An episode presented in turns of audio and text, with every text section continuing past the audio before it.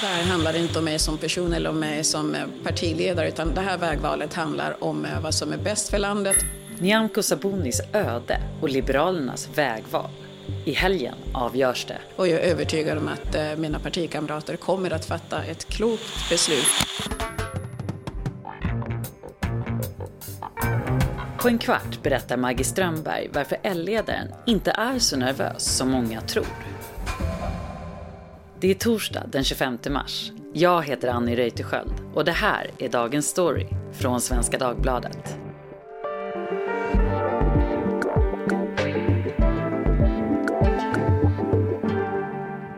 Maggie Strömberg skriver om inrikespolitik och gjorde en radiodokumentär om regeringsbildningen 2018 då Liberalerna i stora våndor valde sida förra gången. Maggie, vad är det som händer i helgen som är så viktigt? Ja, men nu är det det stora avgörandet. Det är partirådet som samlas och ska ta beslut. Partirådet är eh, 90 ombud från hela landet och från sidoorganisationerna som eh, kan fatta stora och viktiga beslut. Och eh, i helgen ska de då bestämma vilken hållning de ska ha i regeringsfrågan. Och ytterst handlar det om hur man ska förhålla sig till Sverigedemokraterna. Kan man samarbeta eller inte? Vi måste vara beredda att prata med alla partier i riksdagen.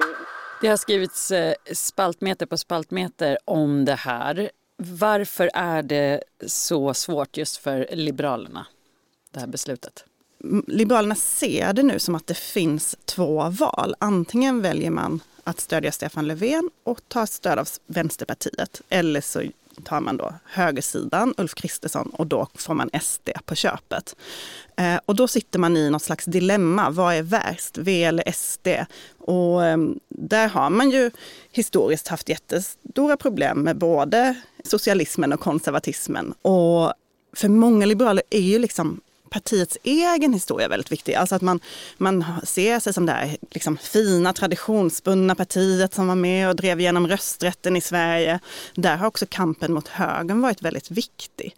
Så det, det blandar samman massa nutid och dåtid eh, och det stora valet då som ska göras. Och partiet är helt delat, vilket man ofta är. Man har också en tradition av att tycka olika, ha många olika falanger som ska och strida. Och prata med pressen om det. Absolut. Det var ju till och med så att nu när partistyrelsen och riksdagsgruppen skulle fatta beslut, eh, då visste de inte om det för en väldigt kort inpå. För att man är så van vid att partiet läcker så himla mycket. Jag har ju tillsammans med Annie Lööf stoppat Sverigedemokraternas makten här under den här perioden.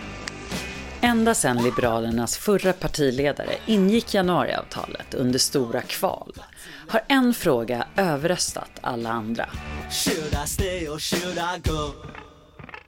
För kort efter Jan Björklunds sorti valde man en ny partiledare som var emot hela upplägget. Jag var kritisk till eh, hur avtalet kom till. I helgen kämpar Nyamko Sabuni för att få gå sin egen väg. Partiet är ju väldigt splittrat. Eh, som det är idag så vet man ju inte vad man får om man röstar på Liberalerna. Alltså vilken statsminister får man? Eh, och kanske viktigt för en del av de som röstar på Liberalerna kommer man få Vänsterpartiet eller Sverigedemokraterna på köpet. Och det är ju också det som dilemmat i partiet handlar om. Vilket av de här partierna som man absolut inte vill samarbeta kan man ändå tänka sig att samarbeta med. Annie Lööf pratar ju fortfarande om att hon tror att hon kan hitta ett samarbete i mitten. Det är den breda politiska, den breda mitten. Politiska, den breda politiska mitten. Den tanken har Liberalerna helt övergett. De säger det blir den ena eller den andra sidan. Det är så verkligheten ser ut.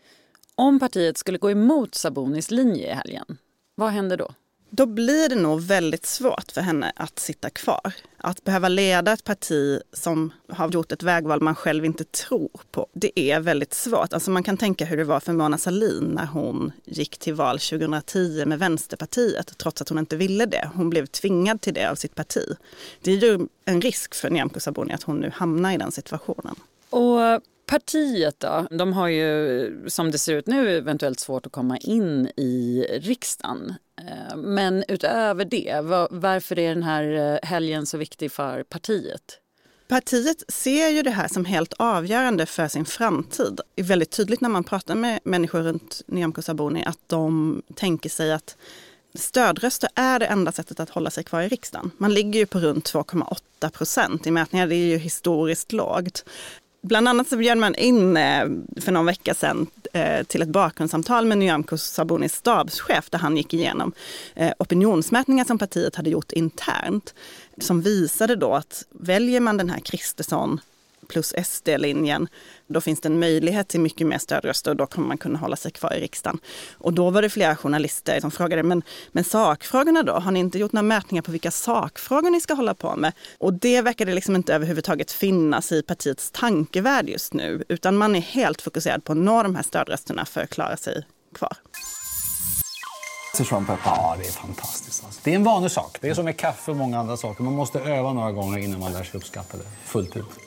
Det här eh, beslutet som kommer i helgen, det påverkar ju också Ulf Kristerssons öde, eller hur? På vilket sätt? Ja, men det stärker ju förstås hans möjligheter att bli statsminister om ett parti till ställer sig bakom honom. Det var ju anledningen till att han inte blev det förra gången, att Centerpartiet och Liberalerna valde en annan väg. Om nu inte Liberalerna tar liksom, stödröster från Moderaterna men ändå åker ur riksdagen, då är det ju väldigt dåligt för Ulf Kristersson. Men det här legitimerar ju också hans val som han har fått väldigt mycket kritik för på sistone, inte minst från Socialdemokraterna som har gått hårt åt honom i debatten. Skulle Liberalerna gå samma väg så skulle det ju ha stor betydelse för normaliseringsprocessen som pågår här. Bara en vecka innan eh, det här beslutet ska tas så skickade Nyamko Sabuni ut ett förtydligande till partiet om hennes linje, vad, vad den e-, egentligen innehåller. Det tolkades av många som att eh, hon är nervös, partiledningen är nervösa. Hur skulle eh, du se på det? Ja, men det ser ju verkligen ut så när det kommer ett sånt där sent en söndag kväll. Det har ju pratats om en kompromiss i partiet. Det finns de som vill ha en kompromiss där man tydligare ska säga att man kan stötta Kristersson men inte samarbeta med SD. Och när jag ringde runt och pratade med liberaler förra veckan om det här, redan då fanns tanken på att eh, vi kommer nog skicka ut ett förtydligande men inte gå med på en kompromiss. Eh, så jag tror att det är det som hände nu. Men den andra falangen blev ju inte alls nöjd av det här förtydligandet. De ville ju se ett tydligare avståndstagande från Sverigedemokraterna. Men är inte det lite symptomatiskt för hela den här frågan? Alltså vad är det som gäller egentligen? Ska vi försöka reda ut det? Liberala vänner, åhörare. V vad är det Sabonis linje eh, går ut på? Ja, hon vill ju lämna januariavtalet efter den budget som ska tas i höst. Sen vill hon gå till val ensam då på en liberal reformagenda, alltså inte tillsammans med något annat parti, men ha ett uttalat mål att Sverige ska ha en borgerlig regering. Hon vill också kunna söka samsyn med alla partier, säger hon. Och här öppnar hon ju då för att samtala, förhandla med både Sverigedemokraterna och Vänsterpartiet.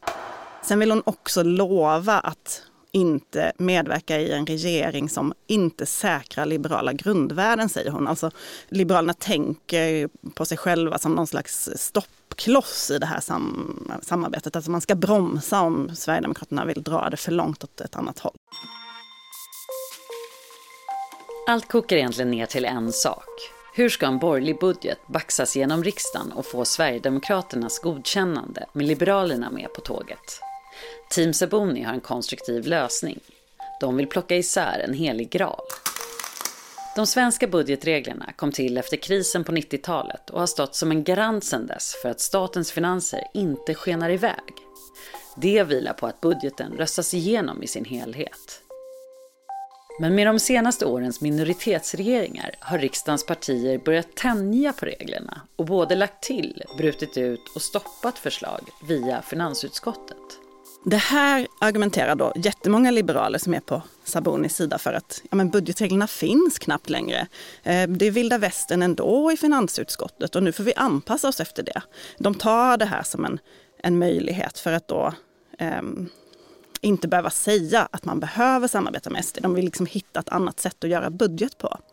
Dessutom så finns det, så ser de en sak till med det här och det är att januariavtalet kom ju till för att ytterkantspartierna inte skulle ha inflytande och framförallt Sverigedemokraterna. Men nu säger de att det funkar ju inte. Sverigedemokraterna har ändå inflytande i finansutskottet så att eh, då behöver vi inte ingå i det här samarbetet som vi egentligen inte heller vill vara i eftersom Eh, det inte fungerar på det sätt som det är tänkt.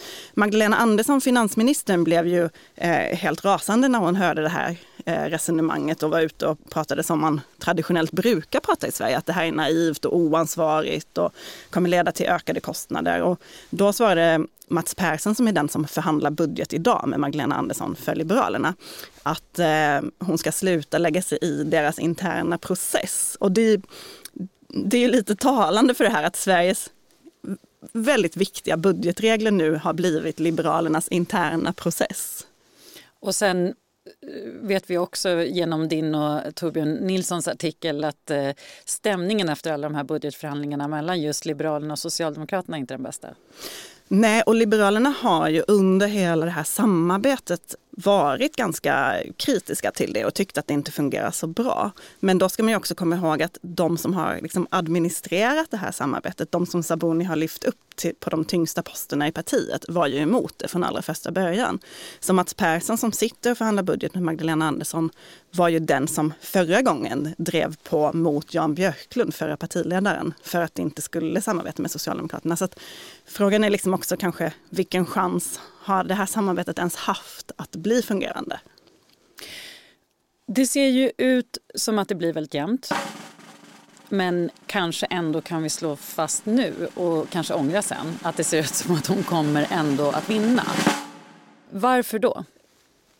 Dels har, gick den andra sidan väldigt tidigt ut och sa att de trodde att Sabuni skulle vinna, vilket är ett lite udda sätt att driva kampanj på. Ibland säger man det för att man vill mobilisera, men det kändes inte riktigt så den här gången, utan lite som att de hade gett upp på förhand. Partiledningen har tre eller kanske fyra tunga argument. Det ena är det här att samarbetet har fungerat dåligt som vi pratade om. Det andra är budgetreglerna är ändå helt upp och ner. Eh, men kanske det viktigaste är de här interna opinionsmätningarna som man har gjort, där man har tittat på både sina egna väljare och sina potentiella väljare, folk som kan tänka sig att rösta på Liberalerna. Väldigt tydligt i deras egna mätningar, partiets egna mätningar, att de väljarna vill ha en borgerlig statsminister, även om den samarbetar eller samtalar med SD. Detta har vägt jättetungt när man har argumenterat internt. Det här är vad väljarna vill. Våra väljare är inte bekväma i det samarbete vi är idag. Det skulle jag säga är den absolut tyngsta punkten. Och det sista är partiledaren själv. Dels finns det alltid en stor grupp i partiet som gör som partiledaren vill. Alltså man går dit partiledaren pekar. Det gjorde man förra gången med Jan Björklund, det kommer man göra nu med Nyamko Sabuni. Men det finns ju också den här tanken att kommer hon få partirådet emot sig så kommer hon inte kunna sitta kvar. Vad gör Liberalerna då? Vem ska då vara partiledare? Är det så bra att byta partiledare nu efter att hon har suttit så kort tid? Detta mina vänner är stort. Det är historiskt. Och du och Torbjörn Nilsson visade också på hur Nyamko Sabuni faktiskt redan har vunnit en del seger Berätta lite om det.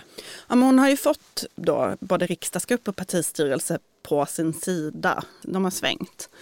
Partistyrelsen har bytts ut sen förra omröstningen, så det är inte samma personer som sitter där. Men riksdagsgruppen är fortfarande samma.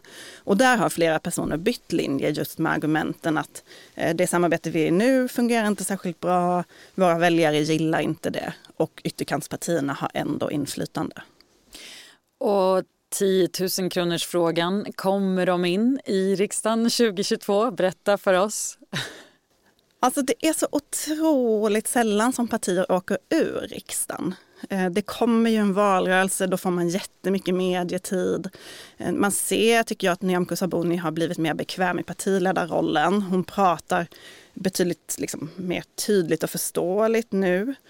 Eh, har hon, känner hon också att hon liksom ska driva det hon själv tror på istället för att nu försvara ett samarbete hon inte tror på, då tror jag ändå att det förändrar läget för henne i valrörelsen. Men det är svårt att vara beroende av stödröster. Ehm, det kan ju vara så att moderatväljarna kanske vill att de ska åka ut. De har dessutom flera ledarsidor emot sig.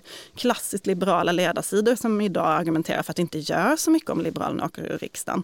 Eh, det är, det är ju verkligen liksom, en uppförsbacke. I en intervju i Svenskan så sa Nyamko Sabuni att hon älskar Bob Marleys musik. Eh, hon sa att det är kamp, det är rättvisa eh, och också ett sätt för henne att eh, hitta kämpaglöden. Hur mycket tror du att hon har lyssnat på det den här veckan och hur mycket kommer hon behöva lyssna på det efter helgen?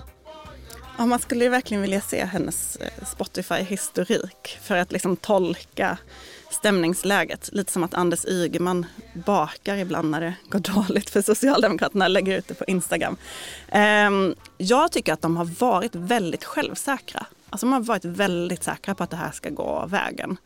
Ehm, vi får väl se när de möter verkligheten. Tack Maggie Strömberg för att du kom hit. Tack.